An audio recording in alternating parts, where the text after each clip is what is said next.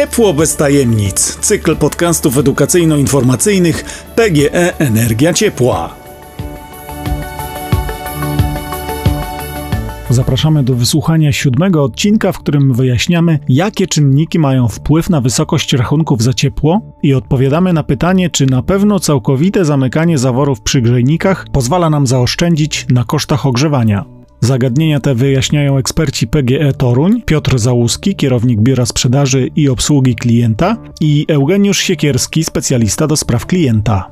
To, ile kosztuje ciepło, y, bardzo zależy od lokalnych uwarunkowań. Rynki ciepła, w przeciwieństwie do rynku energii elektrycznej, są y, rynkami lokalnymi, co oznacza, że w każdym mieście y, może wystąpić inna specyfika. I zależy to przede wszystkim od tego, w jaki sposób ciepło jest produkowane i w jaki sposób jest dystrybuowane. E, czyli generalnie na cenę ciepła mają e, wpływ e, dwa składniki: cena wytwarzania i cena dystrybucji. W różnych miastach w Polsce w różny sposób te rynki są zorganizowane. W niektórych miastach, tak jak na przykład w Toruniu u nas, wytwarzanie i dystrybucja ciepła należy do jednego zintegrowanego przedsiębiorstwa. Natomiast w wielu miastach E, są to zupełnie osobne firmy wytwarzające i e, przesyłające ciepło.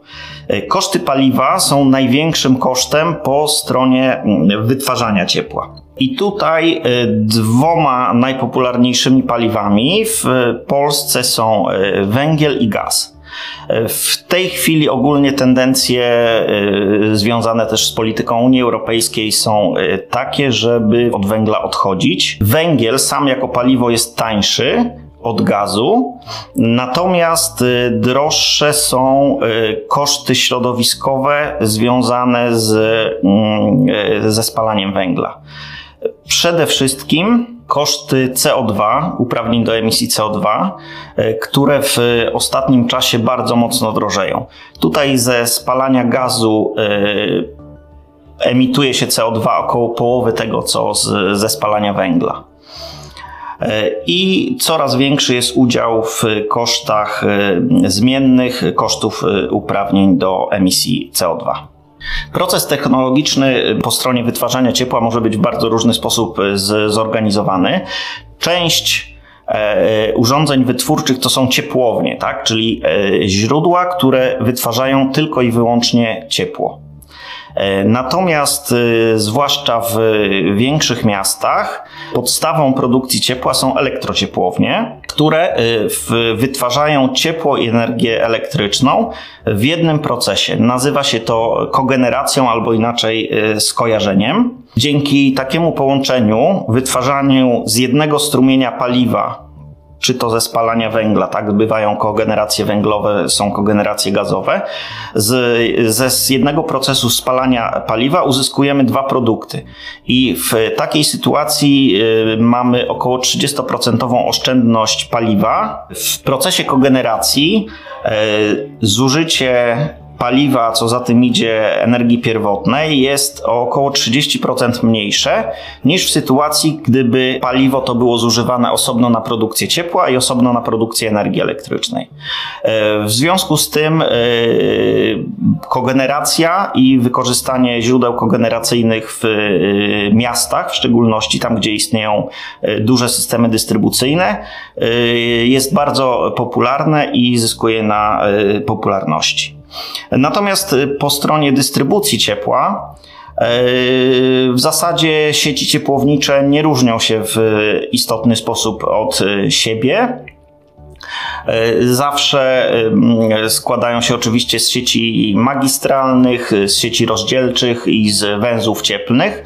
Też w różny sposób na różnych lokalnych rynkach te sieci są zbudowane ale zasadniczo, zasadniczo jest to bardzo podobny proces. Urządzenia y, dystrybucyjne mogą się y, różnić y, technologią, ale to już w dużo mniejszym stopniu czy mm, sprawnością. Panie Piotrze, w jaki sposób regulowane są ceny ciepła? Ceny ciepła podlegają licznym regulacjom.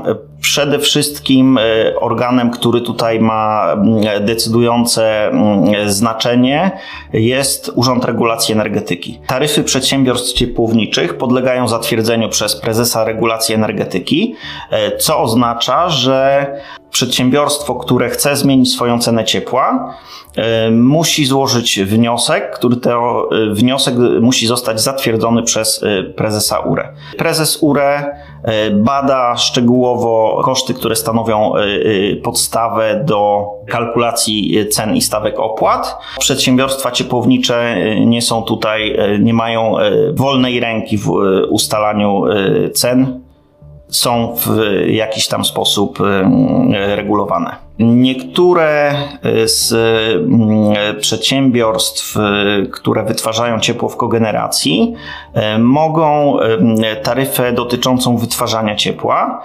konstruować w sposób uproszczony, odnosząc się do tak zwanej ceny referencyjnej, która jest publikowana raz w roku dla danego typu źródeł przez prezesa URE. W ten sposób, w uproszczony sposób, sposób, posługując się prostym wskaźnikiem procentowym, przedsiębiorstwa wytwórcze mogą zmieniać ceny. Panie Eugeniuszu, co wchodzi w skład opłaty?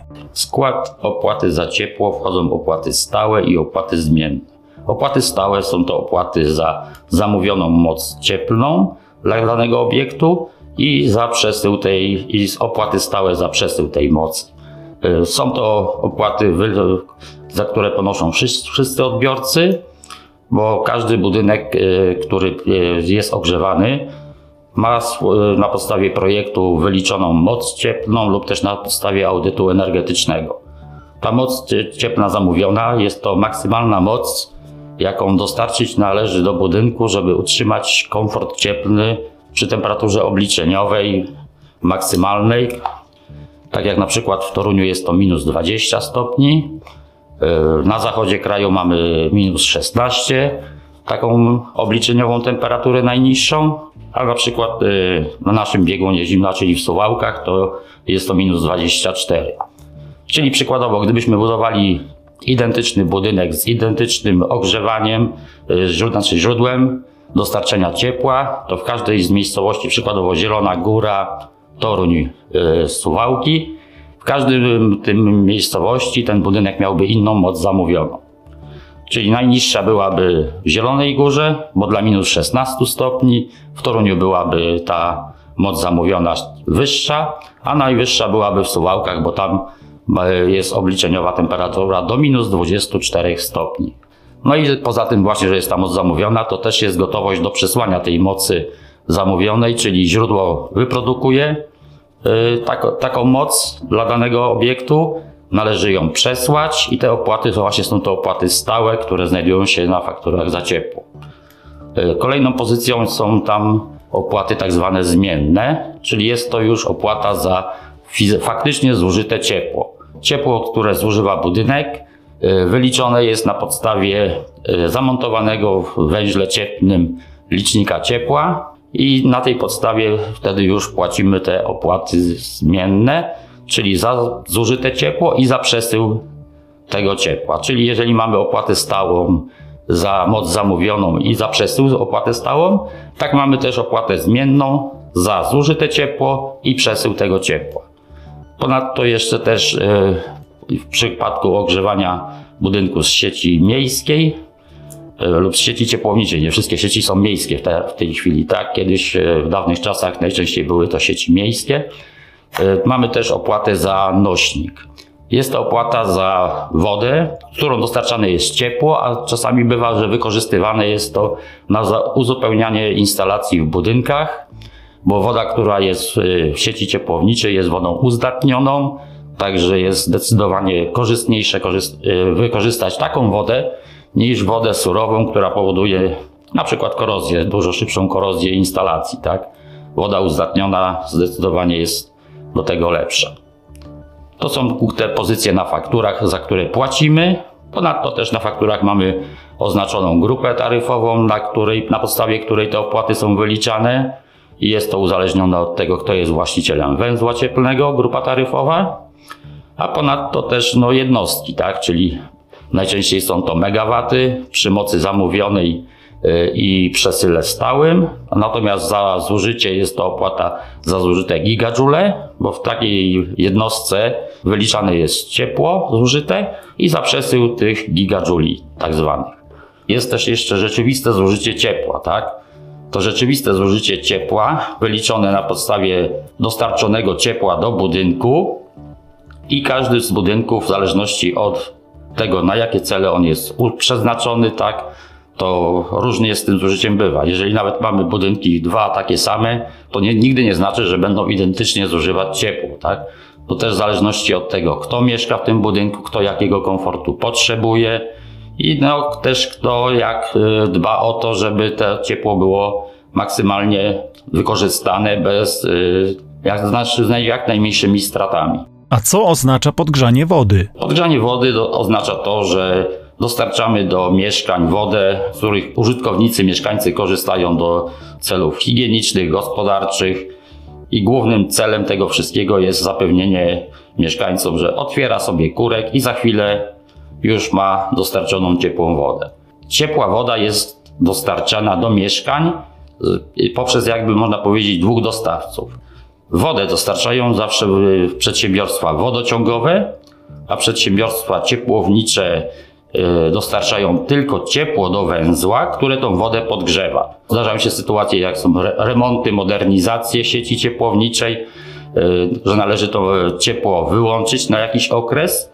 I przy informowaniu klientów często słyszymy pytanie: Aha, no to ciepła woda będzie. Nie, nie będzie też niestety wtedy ciepłej wody, bo dostawa ciepła powoduje, że jest ta woda dostarczana z przedsiębiorstwa wodociągowego, nie jest podgrzewana przez przedsiębiorstwo ciepłownicze i wtedy jest ta woda zimna, nie ma, nie ma ciepłej wody. Jeżeli nawet nie korzystamy z ciepłej wody, to i tak niestety ponosimy koszty tej ciepłej wody. Jest to, wynika to z tego, że chcemy właśnie mieć w kranach wodę praktycznie po kilku sekundach ciepłą, to żeby takie sytuacje właśnie miały miejsce, konieczna jest instalacja cyrkulacyjna, czyli instalacja, w której woda w budynku krąży przez praktycznie cały czas. No chyba, że mamy już teraz nowe pompy, gdzie można to sobie regulować w zależności od potrzeb na, dla zużycia. Ale jeżeli mamy budynki wielorodzinne, no to wiadomo, że tam życie praktycznie jest całodobowe. O północy trochę y, zanika to życie w budynkach, wtedy można by było zaoszczędzić. Y, także w przypadku kosztów podgrzewu wody musimy liczyć właśnie to, co tracimy poprzez cyrkulację w budynku, to jaką temperaturę chcemy też uzyskać y, w naszych kranach, no bo też tak standardowo jest to 55 stopni, tak? Ale zdarzają się takie wspólnoty, na przykład mieszkaniowe czy spółdzielnie, gdzie 52, 50 nawet, ale bywają też w drugą stronę, że 55 jest za mało, chcą więcej. Jedno jest y, na pewno ważne, nie powinno się y, korzystać z wody ciepłej, y, która podgrzewana jest tylko powiedzmy sobie do 40-42 stopni, bo wówczas to namnażają się tam bakterie legionelli, które są, bywają groźne też dla, dla ludzi. Panie Piotrze, jaki ja mam indywidualnie wpływ na zużycie ciepła? Jeśli chodzi o takie nasze codzienne zachowania, no to kilka takich podstawowych zasad. Tak, ważne wiadomo jest y, wietrzenie każdego pomieszczenia. Natomiast y, zaleca się, żeby to wietrzenie było krótkie, intensywne. Y, w ten sposób wychładzanie danego pomieszczenia jest dużo mniejsze niż przy długotrwałym wietrzeniu, więc krótko, intensywnie. E, tak samo należy dbać o e, stan grzejników, tak, które są na ogół e, zlokalizowane gdzieś przy oknach. Grzejniki nie powinny być zasłonięte, nie powinniśmy wieszać na grzejnikach jakichś rzeczy do suszenia. W ten sposób oczywiście coś tam się wysuszy, tak? Natomiast przekazanie ciepła dla potrzeb samego pomieszczenia będzie, będzie tutaj mniejsze.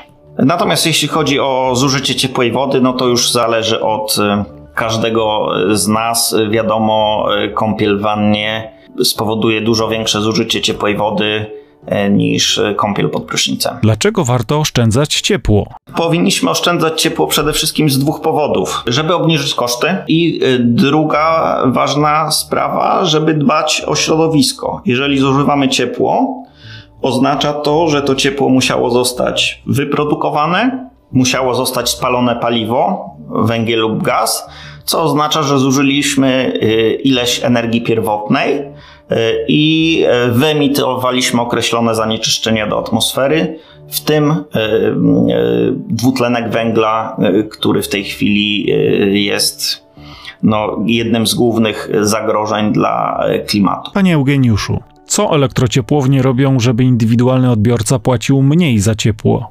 Współpracują z dystrybutorami ciepła, bo to jest jakby naczynie połączone. Tak? W wielu przypadkach właściciel elektrociepłowni jest też właścicielem sieci ciepłowniczej. No taki przykład mamy w Toruniu, w Zielonej Górze, w Gorzowie. Jest to najbardziej optymalne, jeżeli chodzi o możliwości wpływu na to, żeby żeby oszczędności przenosiły się na odbiorcę, tak? No bo jeżeli współpracuje źródło z siecią ciepłowniczą i wszystkie remonty, modernizacje, jest możliwość wpływania na tą cenę ciepła. Ważnym elementem jest to, aby w źródle ciepła y, korzystać y, z produkcji ciepła na w zasadzie kogeneracji, czyli wytwarzając energię elektryczną, wytwarzamy wówczas też Y, ciepło, które możemy wykorzystać do przesyłu do, nasz, do mieszkań podłączonych do sieci ciepłowniczej. Tak? No, ważnym elementem jest też y, nowoczesność w źródle ciepła. Tak? W tej chwili coraz nowocześniejsze są te urządzenia. Zdecydowanie to się poprawia. Tak? Ponadto, aby odbiorca płacił mniej, to też ważnym jest to, aby dystrybutor ciepła, czyli tak jak przykładowo już mówiłem, w Toruniu, w Zielonej Górze, w Gorzowie, w Zgierzu, E, modernizował sieci ciepłownicze, czyli wymiana starych kanałowych sieci na sieci preizolowane. Ważnym elementem jest też diagnostyka tej sieci, czyli jakieś badanie termowizyjne przykładowo, gdzie można znaleźć miejsca, które są jakby nie tyle może gdzie jest awaria, ale które są słabym punktem w systemie, tak? I można zareagować na to wcześniej. Partnerem cyklu podcastów Ciepło bez tajemnic jest PGE Energia Ciepła.